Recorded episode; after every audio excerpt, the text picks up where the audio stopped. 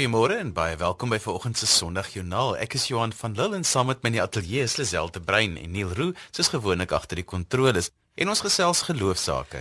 Goeiemôre, ons program vertel van mense se leefwêreld en die rol wat geloof in al die gemeenskappe speel. Hier in die Kaap is daar al 'n koeligheidjie in die lug, so ek hoop jy het warm tee wat reg staan vir die saamkuier. Ons gesels vanoggend met Andriette Ridder oor die kerk se nuwe strategie met die jeug en Rita Elmoneer kuier ook in die ateljee. Sy woon en werk in Siprus en vertel van haar lewe en werk as 'n Christen gelowige. Ons hoor van Vanus Leroux se geloofstorie en laastens gaan Denise Williams ons inspireer vir die week wat voorlê. As jy nou in die helfte van die program met kerk toe gaan of weer aan die slaap geraak het, Onthou jy kan Sondagjoernaal se potgooi gaan luister op RSG se webwerf by rsg.co.za.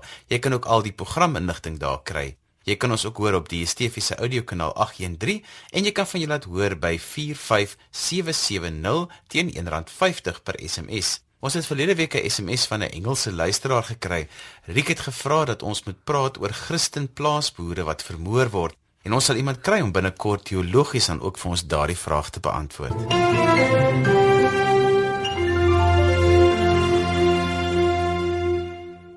Anrede Ridder is vanoggend by ons in die ateljee. Sy is predikant in Sinodale Diens vir Jeug en Familiebediening. En ons gesels vanoggend oor nuwe strategieë waarmee hulle besig is. Goeiemôre Anred. Môre. Hier voor my lê 'n klomp speletjies wat my maatloos opgewonde maak, want dit beteken die kerk begin anders dink oor hoe hulle goed aanpak. Maar kan ons net eers gou gesels oor Imagine? Jy het nou sopas al die Imagine geleenthede gehad in die in die land. Ons het vooraf daaroor gepraat. Hoe het dit gegaan? Wat het julle geleer? Wat het gebeur? Dit was absoluut fantasties geweest. Ek dink elke keer dan is my hart net so vol as ek sien wat dit vir jong mense beteken en hoe hulle lewens verander word en hoe daar regtig 'n duidelike boodskap uitgaan van eenheid tussen kerke en eenheid tussen gelowiges en hoe opgewonde die jeug is om 'n verskil te maak. Dit is regtig hartroerend. En daar was heelwat kleiner dorpies mense wie wie kom bymekaar almal. Ek is verstom om te sien hoe ver mense ry en hoe hulle van klein dorpies kom. Ek dink dit beteken juist vir kleiner dorpe baie omdat hulle 'n stuk eenheid en liefde ervaar tussen ander um, jong mense en jong mense 'n groter prentjie kry van die kerk van Christus in Suid-Afrika. In die Weskaap het dit daarop het het daar gemeentes so ver soos Oudtshoorn en um, Springbok en Garries gekom. Ons was lekker geweest dat hulle deur die nag gery het om by ons te wees. Kom ons gesels oor die strategie waarmee jy besig is. Jy dink anders oor hoe om huisgodsdiens en die en die tiener die jeugbediening nou te benader. Vertel ons daarvan. Ons het 'n eenvoudige strategie. Dit ehm um, word verduidelik aan die hand van 'n tafel met vier pote. Geloof word gevorm deur eersins kennis, maar dan ook baie belangrik verhoudings en dan aksie en dan die laaste een is aanbidding. En ons sê dit moet ge geïntegreerd gebeur hierdie vier dinge. En dan verduidelik ons vir kerke hoe dit lyk anders te lyk vandag. So hierdie vier pote is antiek, dis nie iets nuut nie, maar dit lyk wel anders te vandag. Ons vat net iets soos huisgodsdienst, dit lyk heeltemal anders as boeke vat van 30 of 50 jaar terug. Ja, toe ons nog almal om die tafel gesit het en Bybel gelees het en liedjies gesing het. Vertel my van die speletjies wat ek hier in my hand het.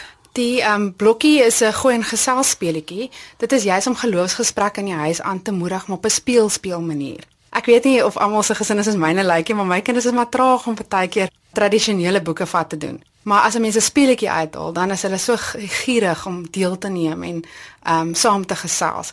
So mens gooi eenvoudig die blokkie en dan val hy op 'n kant en die kant het verskillende name en kleure, glo en omgee en saamwees en gesels, pret en dan kies mens 'n kaart in in die ooreenstemmende kleur en dan gesels mens daaroor daai kaart. As 'n mens nou nie 'n vraagie wil antwoord nie, kan jy ook iemand anders kies om die tafel om dit te antwoord, maar dit is lekker saam gesels en oop vra wat soms geestelik is en soms net lekker ken mekaar vra is, maar wat um, wel 'n gesin op 'n dieper vlak laat um, connect met mekaar. As hy val op pret, moet mens weet dan gaan jy iets moet doen. En dis waar die stukkie pret in kom, dan is daar nou aktiwiteite wat uh, of iemand um, moet doen. En dis 'n baie besonderse manier want daar's moeilike onderwerpe en daar's ligter onderwerpe. So dit wissel die heeltyd. Mens voel nie heeltyd asof jy so besig met 'n swaar diep Bybelse ding nie, maar die vrae lei ook na die dieper toe. Dit so dis baie vrae is wat baie maklik is om te antwoord en sommige wat jy bietjie moet oordink. Maar die gedagte is ook dat as jy 'n gesin is dat jy gewoonlik 'n ouderdom verskillende ouderdom kinders het um, met ouer kinders wat al bietjie moeiliker vrae kan antwoord, maar daar's ook kleintjies wat nog nie kan nie. So mens kan die vrae lekker aanpas en almal kan saam. Die idee is regtig dat ouma en oupa ook saam kan speel. Dit 'n intergeneratiewe um, speletjie is wat beteken verskillende ouderdomme kan saamgesels. Andre, hoekom is dit belangrik dat mens byvoorbeeld as die kerk nie net die kleintjies bymekaar kry en dan die tieners bymekaar kry nie. Daar moet 'n integrale manier wees om die gesinne weer bymekaar te bring. Ja, navorsing wys vir ons dis verskriklik belangrik. As ons kyk na wat die navorsing sê, sê hulle dat as 'n 'n kind in sy grootwordjare blootgestel word aan 4 of meer gelowige volwassenes waarmee hy dan 'n 'n 'n dieper liggende verhouding het, is die kans dat hy gaan glo na skool baie groter as 'n kind wat nie daai verhoudings het nie. En die navorsing sê vir ons dat hy moet daai rolmodelle hê en dan moet daai uh, gesprekke wees, daai dieper gesprekke wees met volwassenes ook. So alhoewel ouderdomsgerigte bediening wonderlik is en dit 'n klomp pret is as 'n klomp van dieselfde ouderdom bymekaar is, moet ons nie die waarde onderskat van uh, van ouma en oupa of tannie of oom of ma of pa wat gesels oor geloof in 'n kind se lewe. Die ander ding wat my baie opgewonde maak is die paaspakkie wat jy bymekaar gesit het. Vertel vir ons daarvan. Ehm um, ag ons wil maar dit deurlopend sulke tipe dinge doen net om die verbeelding aan te gryp om te sê kom ons dink net weer nuut en kreatief oor ons kerkjaar. My paaspakkie is 17 aktiwiteite. Jy kan dit oor die hele paasvakansie doen. Begin Saterdag die 1 April. As jy nou nie 'n paaspakkie bestel het nie, dan kan jy dit um, op ons webwerf wel kry al die inligting daar rondom en wat dit basies is is 17 aktiwiteite. Weereens is dit intergeneratief. So oud en jonk kan dit saam doen. Dit is 'n stukkie om te lees. Dit gaan maar oor die groot lydensgebeure van Jesus. 'n Stukkie om saam te lees en en oor te gesels en dan 'n aktiwiteit. So die een wat ek nou hier voor my het sê dis nou nommer die vyfde aktiwiteit. Hy sê onderste bo en uh, dis 'n tafel wat jy met omkeer, 'n koffietafel, maar dan maak jy tee en hier steek sakkies by. Verduidelik vir my hoe gaan dit werk? Ja, dit gaan eintlik oor Jesus wat die tafels omgekeer het wat eintlik nogal 'n swaar verhaal is in die Bybel. So hoe doen mense dit met kinders om te gesels dat um uh soms dan doen ons dinge verkeerd en dan moet ons die dinge weer omkeer en en Jesus se koninkryk werk anders te om as wat die wêreld werk. So die wêreld is geld en sukses belangrik, maar vir Jesus is is geloof en verhoudings belangrik. So jy gaan oor daai storie gesels om 'n koffietafel wat jy letterlik omkeer. Um onderste bo jou tafel of jou koffietafel draai jy om, maak 'n lekker pot tee saam. Almal is um baie verstom oor hierdie uh omkeer van 'n tafel, maar dan het hulle 'n geleentheid om saam te gesels. So elke aktiwiteit lei maar tot 'n 'n dieper liggende gesprek. Dan is hier ook 'n sakkie met Smarties in. Hoe werk dit? Ag, dis 'n pret manier om vir die wêreld te bid. Elke Smartie wat jy uittrek, bid jy vir die wêreld en jy onthou dat Jesus ons ook uitgestuur het na sy opstanding in die wêreld in om 'n verskil te gaan maak. So as jy sekere kleur smartie trek, dan moet jy kan hom eet, maar jy moet ook dan 'n bid vir daai um, persoon en dis maar net 'n manier om ook kinders aan die aan die bid te kry. En het al die goeders soos wat jy sê, is dan ook beskikbaar op 'n webwerf. So met ander woorde jy hoef nie dit nou te bestel en wag dat dit moet kom iewers en jy kan dit aflaai. Vertel ons daarvan. Dis reg, alles wat ons ontwikkel en ehm um, enige persoon wat ook dinge ontwikkel kan kan ehm um, byvoeg tot hierdie bronne is beskikbaar op die webwerf www.dinkjeug.ngkerk.net. Kontak mense vir jou as mens hierdie speletjie boks wil uitbrei of kan jy dit net oplaai? Jy kan dit eenvoudig net gebruik soos wat jy wil. As jy ons op Facebook gaan volg by Dink Jeug, kan jy elke dag in die vakansie hierdie stukkie kry en dit ook doen met jou gesin. Jy sal nou die, die itempie kry wat gepak is in die boksie nie, maar dit is gewone items wat in die huis gevind kan word. So jy kan gerus saam deelneem deur ons te volg op die Facebook bladsy Dink Jeug. Ek hou 'n blokkie in my hand vas wat 'n mens kan speel. Hier's 'n paaspakkie wat gepak is, maar jy hou ook by met die tegnologie. Dis reg, ons het 'n app ontwikkel wat oor 25 temas gaan. Dis ehm um, temas wat basiese geloofstemas is. Enigiemand kan die app gratis aflaai. Dit is op hierdie stadium op Google Play Store en binnekort ook op die iPhone se se App Store beskikbaar en die 'n naam van die ehm um, toep is ons glo. Wat is binne in hierdie toepassing? Ehm um, ons glo is basies 25 stukkies Bybelstukkies oor ehm um, die basiese geloofswaarhede, ook meer wat mens kan verder lees wat ehm um, mense wat nou baie slim is geskryf het as mens nou verder wil lees, maar daar's ook 'n gedeelte vir gesinne en ook weer vir tieners. So dit bring weer die verskillende generasies bymekaar met een onderwerp. Soos gemik op 'n bietjie ouer kind, 'n tiener, um, en dan volwassenes om wat saam wil reis rondom die basiese geloofswaarhede. Al die inligting is ook op die webwerf www.onsglo.co.za. So die belangrike ding wat ons sê is, kom ons dink anders daaroor om ons gesinne weer bymekaar te trek en om dit makliker te maak vir ma en pa en boetie en sussie om oor geloof en om oor swaarder en en dieper goeters te gesels. Absoluut, dit moet pret wees om saam te gesels oor Jesus. Dit maak my baie opgewonde dat jy so anders dink en 'n bietjie probeer om die evangelie vir jonger mense toeganklik te maak op 'n manier wat hulle sal kan verstaan. Dankie dat jy vanoggend saam met ons gekuier het, Anret. Dis 'n groot plesier. Ons het gesels met Andriette Ridder oor die kerk se strategie om met jong mense te werk. Dit bly maar altyd 'n uitdaging om met 'n veranderde wêreld tred te hou, want die wêreld waarin ons jong mense leef verander mos maar daagliks. As jy sopas ingeskakel het, sê ons goeiemôre. Jy luister na Sondag Joernaal saam met Johan en Lisel en natuurlik Neil agter die kontroles. Gemaak gerus 'n draai op RSG se webblad. Daar's baie interessante dinge oor al RSG se programme en dit is ook waar jy kan gaan soek vir 'n potgooi of inligting oor vandag se gaste. Jy kry dit alles by RSG rsg.co.za. Sondagjoernaal se inligting is ook op ons Facebook bladsy. Our guest this morning is Rita Almonayer. She is the Deputy CEO of SAT7 in Cyprus, the international office. Good morning, Rita, and Good welcome. morning. Thank you. Tell us a little bit about your work in Cyprus. Well, uh, as you know, that uh, we are trying to uh, serve the Middle East and North Africa uh, with the programs that's giving hope to people. So we're two Arabic channels, one Turkish and one uh, Farsi. Our international office is in Cyprus, and this is where all the operations take place, strategic planning, business planning, communication, operations. And we supervise other offices uh, worldwide. Uh, in uh, Lebanon, we have a big studio, in Egypt, big studio, in Turkey, and also in, in Cyprus. So I think, you know, all the strategic planning and operations and decision-making is taking place in Cyprus. And this is mainly a message of hope for people in a situation that looks hopeless. That's right. We try first to assist uh, millions of Christians uh, who are, you know, in um, closed homes in closed countries. As you know, we serve, you know, like countries like Tunisia and Algeria and uh, Egypt and Lebanon and Turkey and uh, Iran. And uh, there are minorities of Christians living there. Plus, we want also to show the Muslim world around us what is Christianity. Uh, Christianity was born in the Middle East.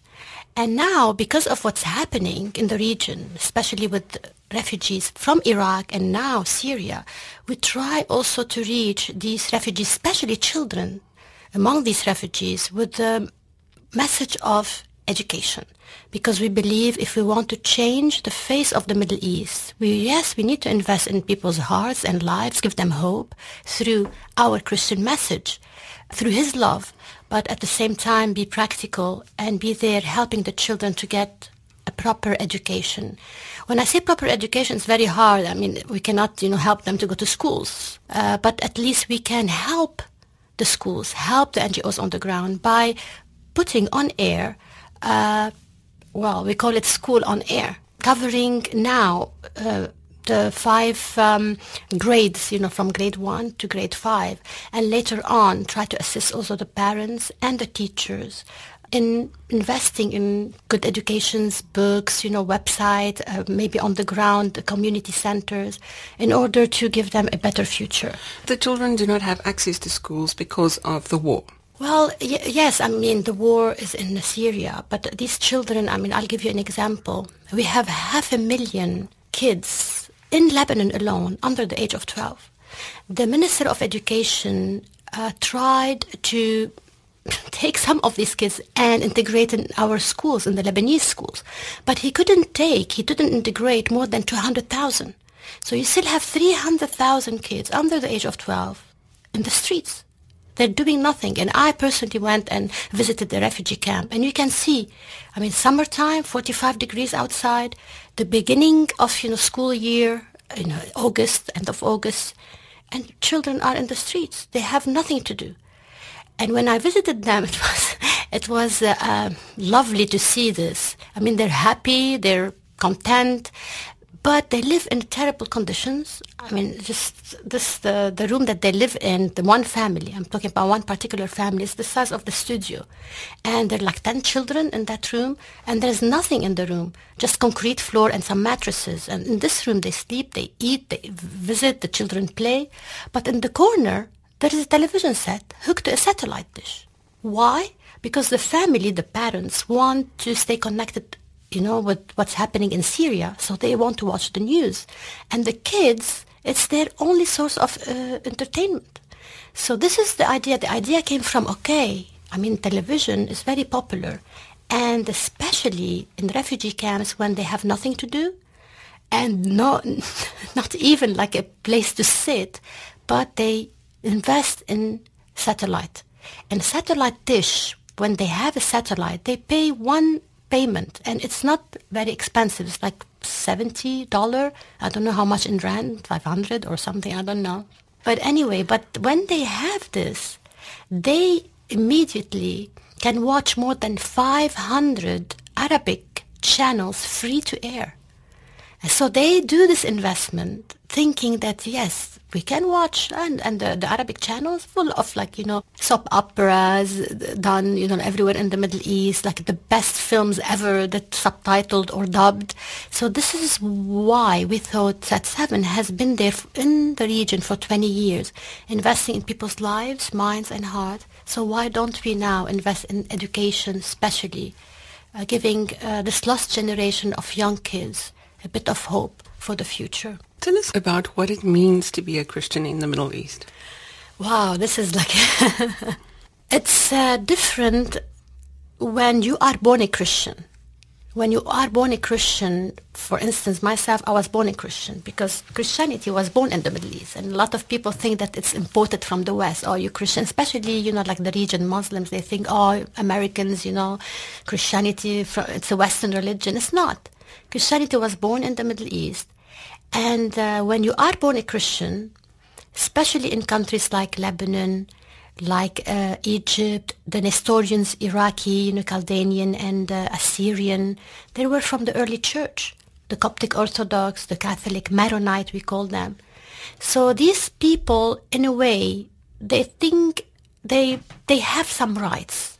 Yes, maybe in the country in Egypt, they're still thriving for their rights, you know, for the church to be recognized and uh, to be respected in a way. So the Middle East, in other words, differs from a country to another. And especially Christians, born Christians, they have some status. The challenge is when a Muslim become a Christian. And uh, I don't know about uh, South Africa, but we're trying in the Middle East to have some human rights and religious rights. Uh, in other words, now you can easily become Muslim from a Christian background, but it's not very hard the vice versa. And I'm not talking about identity card. It's just also about your status in society. I mean, if you are a Muslim and something happened in your life, or you loved, you know, like the personality of Jesus, and you want to be Jesus follower, it's very hard. It means it means persecution, and uh, sometimes it's not from the government; it's from the family. It means you lose your job. It means you know you will um, you will uh, have problems, especially if you have children, uh, and um, and you will be left with some choices, just few choices. One of them is to leave the country, maybe go to the West, and this is, you know, sad to say this, or to neighboring countries like Lebanon or Egypt, where you'd be free to worship as you wish. Uh, the second option would be like maybe to be strong and handle persecution. And some people I have met personally, and they are from Algeria, they consider persecution a crown they wear on their heads. This is, you know, like the way they see faith. Third, you know, option is to uh, maybe back down, say, okay, I cannot live like this, and I'm just leaving. I don't want to be Christian anymore. We call we call it, you know, in a Christian terminology, backsliding. And the fourth option is to be a secret believer. So nobody will know that you are a Christian. So you hide it. So as you see, it's a challenge. And it's different from a Christian who's born a Christian, like myself. I can, you know, like uh, talk about my Christianity and my walk with, with God, with the Lord, you know, freely. Then, you know, to be a Christian who comes from a Muslim background, it's not easy. It's a big challenge. The education programs that you present, is there any way of measuring how many kids can actually see and be educated? It, it, there is a way. And we're trying, I mean, so far we had a kind of uh, study uh, among Iraqis there in Erbil, in northern part of Iraq, to see like how many people have access to satellite and what do they watch and how they're watching it. Is it on a satellite with television or on your mobile or smartphone? Because we are on apps too. We have an app, so if you have a smartphone, you can click and watch it on your device, on your smart device. And we are trying to have another study in Lebanon among Syria, among Syrian refugees, and also would go on with in Jordan and in Egypt and maybe Turkey. Now Egypt they don't have lots of refugees, but we're trying to see like how many people are willing to, you know, get some education, you know, from from television. And what we're striving to do also is to have some focus groups. And this will help us too, not just to know how many people are watching, to see if we are investing money and efforts in the right place because you will not believe how much this channel, this whole education channel that we are trying to launch in September, how much money and energy is taking from us. And we want to know that this money and this energy is in the right place. So this study that we're trying to conduct and the focus group and see like if the children will learn, you know, will will have this focus group before and after. And with the help of NGOs on the ground, because we cannot do it all by ourselves. We are media. So we're trying to team up with people on the ground, NGOs on the ground who can help us. Uh, and then we go from there. Now, so far, we have measured, we had, we conducted the kind of um, study to know, to measure how many viewers we have for Set Seven as a whole in some countries.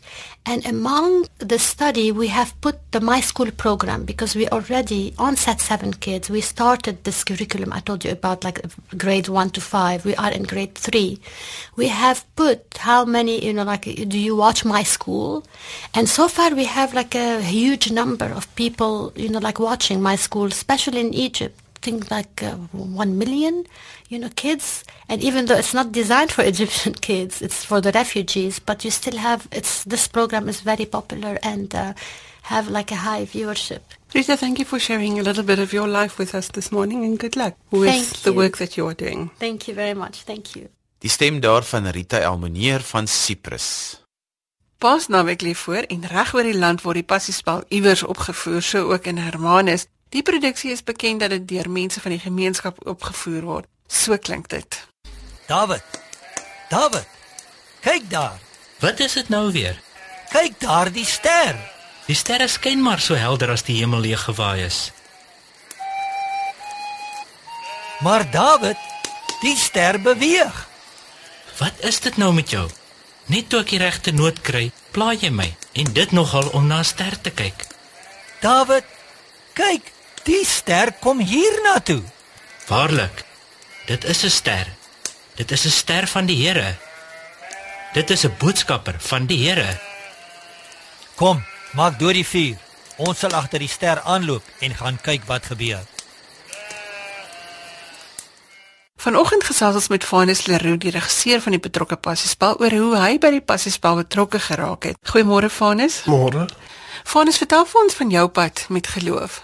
Van kindsbeen af is ek 'n gelowige. En uh, ek het so vier verdiepings tot op 'n sementblad te val en ek het so 'n paar bene en gebreek en ek het gesien 'n mens wat daar deurgekom het. Dis net die genade van bo. En ek moes ek moes my deel bydra. Toe gaan jy na die passiespele toe in Hermanus. Iewers moes ek my deel bygedra tot die koninkryk en ek het begin deelneem en dit was net so wonderlik. Ek het begin as 'n disipel opgeskryf Caiaphas een van die hoofrolle en uh, tot ek nou die regisseur is van die passiespel. Jy speel ook die rol van Judas. Kom ons luister na 'n klein stukkie.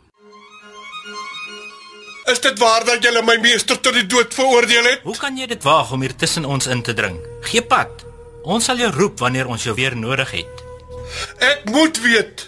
Sê eers vir my, gaan my meester sterf? Ja, hy moet gekruisig word.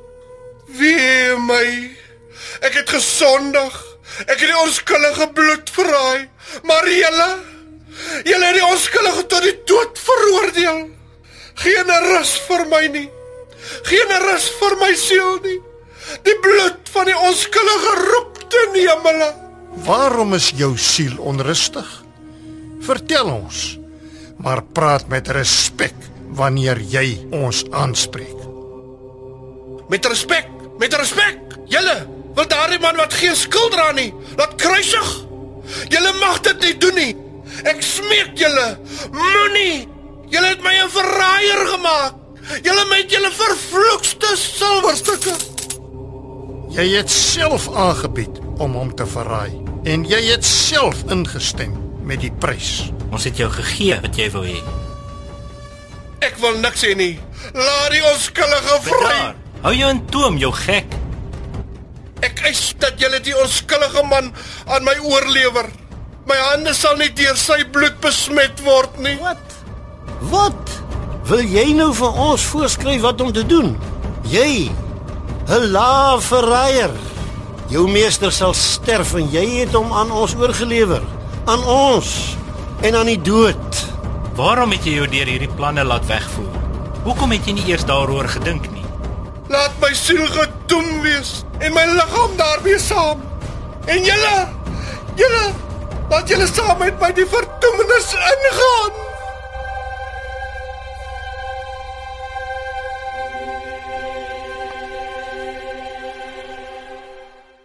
Die liefde wat die Here vir my het en die liefde wat ons vir hom het, hoe lief ons vir mekaar is. Ek moet die verhaal, die simboliek van die geboorte in Jesus se lewe tot sy kruisiging. Dit is vir my so wonderlik om dit aan mense bekend te stel. Jy beleef seker 'n paar dinge tydens hierdie stuk.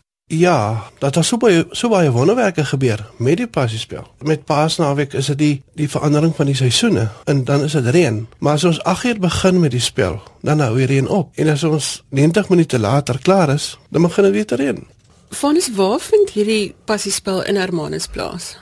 In die ou hawe. Die toeskouers sit op die sleephelling en die branders is aan die agterkant. Hulle kyk oor die baai daar waar die uh, vissermanne destyds hulle bote ingevat het om te gaan visvang. En die spel is teen die rotswande en die volle lengte strek oor 'n gebied van so 150 meter tot bo by die hoogste helling waar die kruisiging plaasvind.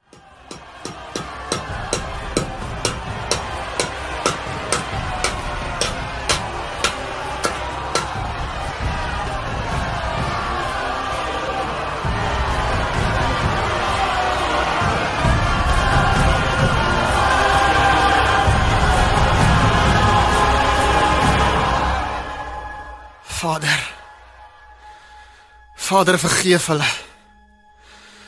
Want hulle weet nie wat hulle doen nie. Om hierdie ding bymekaar te sit moet nog 'n uitdaging wees, want julle is buite, julle is op die rotse. Hoe werk julle? Ons oefen elke Sondag en 'n uh, paar weke voor Paasnaweek en dan moet dit bymekaar gebring word en Paasnaweek is ons reg. Die meeste van die spelers is inwoners van Hermanus en 'n paar van die om, omliggende uh, gemeentes en dit is oud en jong En hoe lank is die passiespel? van 8 uur af 90 minute. So kan ons sê mense moet hulle piknikmandjies bring en hulle stoele bring en kom uitkom sodat hulle kan deel word ja, van die van die groter prentjie. Ja, verseker. Koben Swanepoel en Louis Rood is ook hier in die ateljee om van hulle betrokkenheid te vertel. Môre Koben, Goeiemôre. môre Louis. Goeiemôre. Koben, julle is deel van die produksie jy en Louis.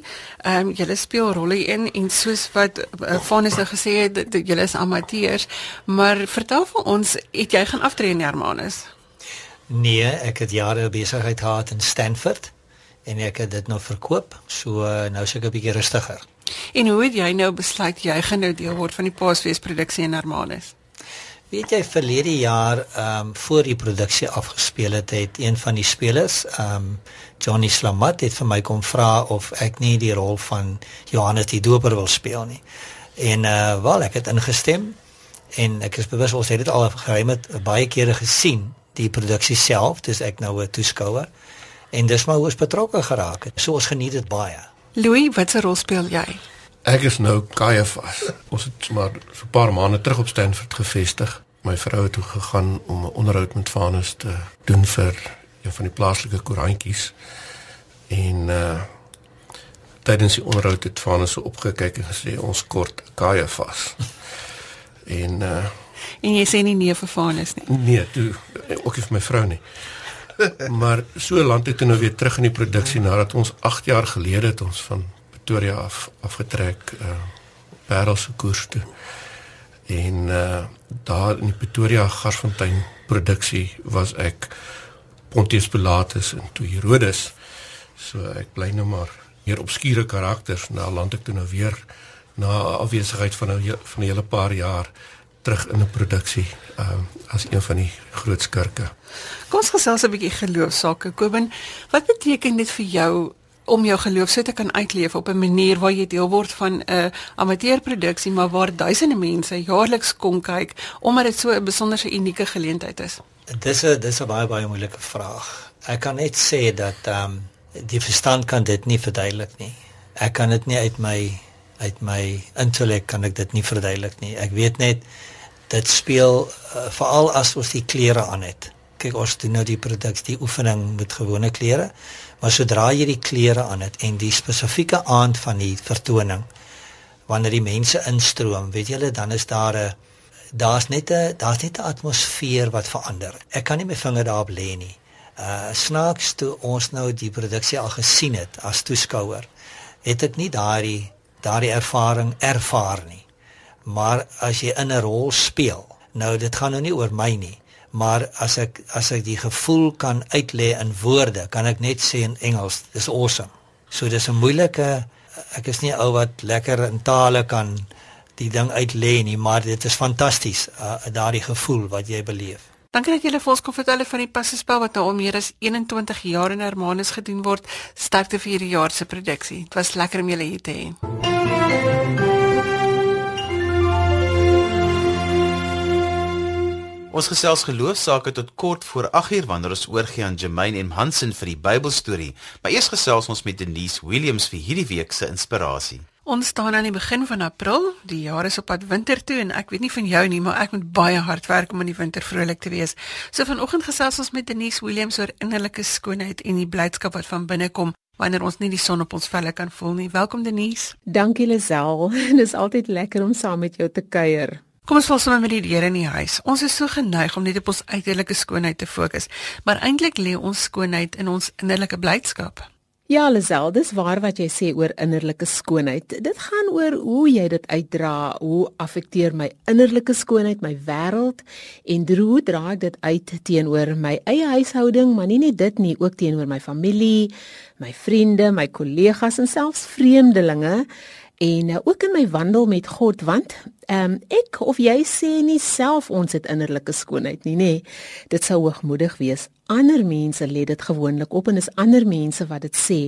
So dis die omgee wat jy liefdevol gee aan ander en die passie wat duidelik sigbaar is daarmee Weet jy, ek dink nou aan die woorde van Ralph Waldo Emerson. Hy het gesê al reis ons die hele wêreld vol om die pragtige te vind, moet ons dit eintlik met ons saamdra, anders vind ons dit nooit nie.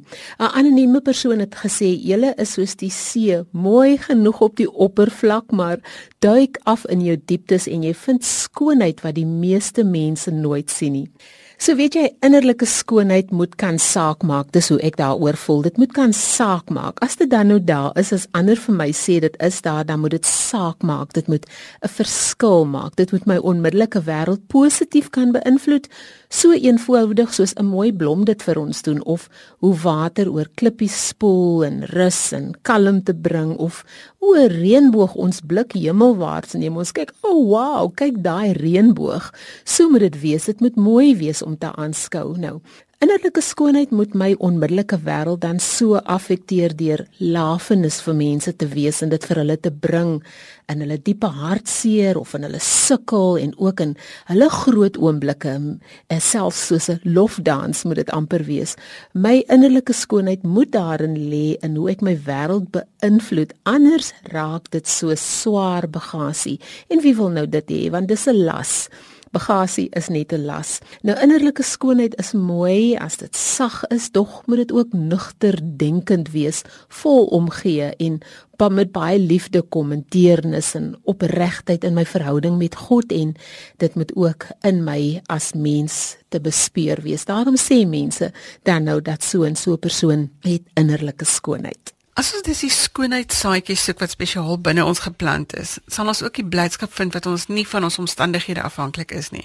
As ons vrede en geduld en selfbeheersing het, al daardie vrugte van die Gees waarvan Galasiërs 5 praat, kan ons selfs op 'n val en verlep dag wanneer jy verskrompel lyk, jou vreugde vind. Ja, Lisel, dis dis net so waar wat jy sê dat blydskap kom van binne. Dis 'n wilsbesluit en dis nie gekoppel aan 'n spesifieke gebeurtenis nie. Blydskap in my opinie se teenoorgestelde is nie droefheid of hartseer nie, want jy kan droefheid ervaar, maar in jou siel, jou diepste wese nog steeds blydskap hê. Al is dit vir die oomblik soos 'n wolkie wat voor die son beweeg het. Die son is nog steeds daar Die wolkie maak maar net 'n skade weer vir die oomblik. So vir my is dit blydskap is 'n wilsbesluit. Paulus praat byvoorbeeld daarvan in Filippense 4 vers 4. Hy sê verbly julle altyd in die Here. En weet jy daar's 'n komma, net indien ons dit nie die eerste keer gewaar het nie, sê hy ek herhaal verbly julle. En dis lewensblyheid. Dit kan nie maar net uit 'n op dit kom nie net uit 'n optimistiese soort lewens uitkyk nie. Dit kom uit 'n wete. Ek weet dat ek weet dat ek weet dat die Here is teenwoordig, dat hy sorg, dat hy in beheer is wat ook al my omstandighede. En dan kom daai blydskap dat uh, ek kan verduur en ek kan met lewensblyheid dit verduur omdat my krag en jou krag en ons krag van die Here kom. So kom ons blydskap dan van hier diep binne. Ons kan dit nie vervaardig nie. Ek dink die Engelsman sê we can't manufacture it. Ek maak 'n keuse en dan leef ek dit. Daar's geen plek dan vir sarkasme en uh, om sinies te wees en katterig en buierig te wees of soos mense sê so en so is nie 'n morning 'n oggendmens nie of hy's nie 'n aandmens nie, dan maak daai goed nie vir ons saak nie, want daai lewensblyheid is daar. Dan is dit moontlik vir ons om bietjie meer vrolik te wees, vriendelik, vreugdevol en vol blydskap. En nie net trek jy en ek dan mense aan nie, maar jy begin nogal ook van jouself hou. Michael Jackson het 'n liedjie gesing en hy het gesê I'm looking at the man in the mirror I want him to change his ways. Maar weet jy nou, as ek en jy dan in daai spieël kyk, dan gaan ons half vir onsself knipoog en sê jy, ek hou nogal van jou. Dis maar wat ek daaroor kan sê, Lisel. Dankie Denise vir jou warm kuier saam met ons vanoggend. Dis altyd lekker om saam met jou te wees in die ateljee. Mooi bly. Denise Williams was in gesprek met Lisel. Ons is aan die einde van vandag se program. Ek groet tot later vandag wanneer ek weer agter die mikrofoon inskuif vir ons in die onderwys. Net hierna Jermaine Hansen met die Bybelstorie en dan die 8 uur nuus van my Johan van Lille. Totsiens. Jy kan vir my e-pos met kommentaar of as jy 'n geloostorie met ons wil deel by lisel@wwmedia.co.za of jy kan ook vir ons 'n boodskap stuur deur die webwerf by rsg.co.za. Tot volgende week groet ek namens produksieregisseur Neil Roo. Maak 'n verskil in iemand se lewe, ryk uit en maak iemand se dag makliker. Groete tot volgende week.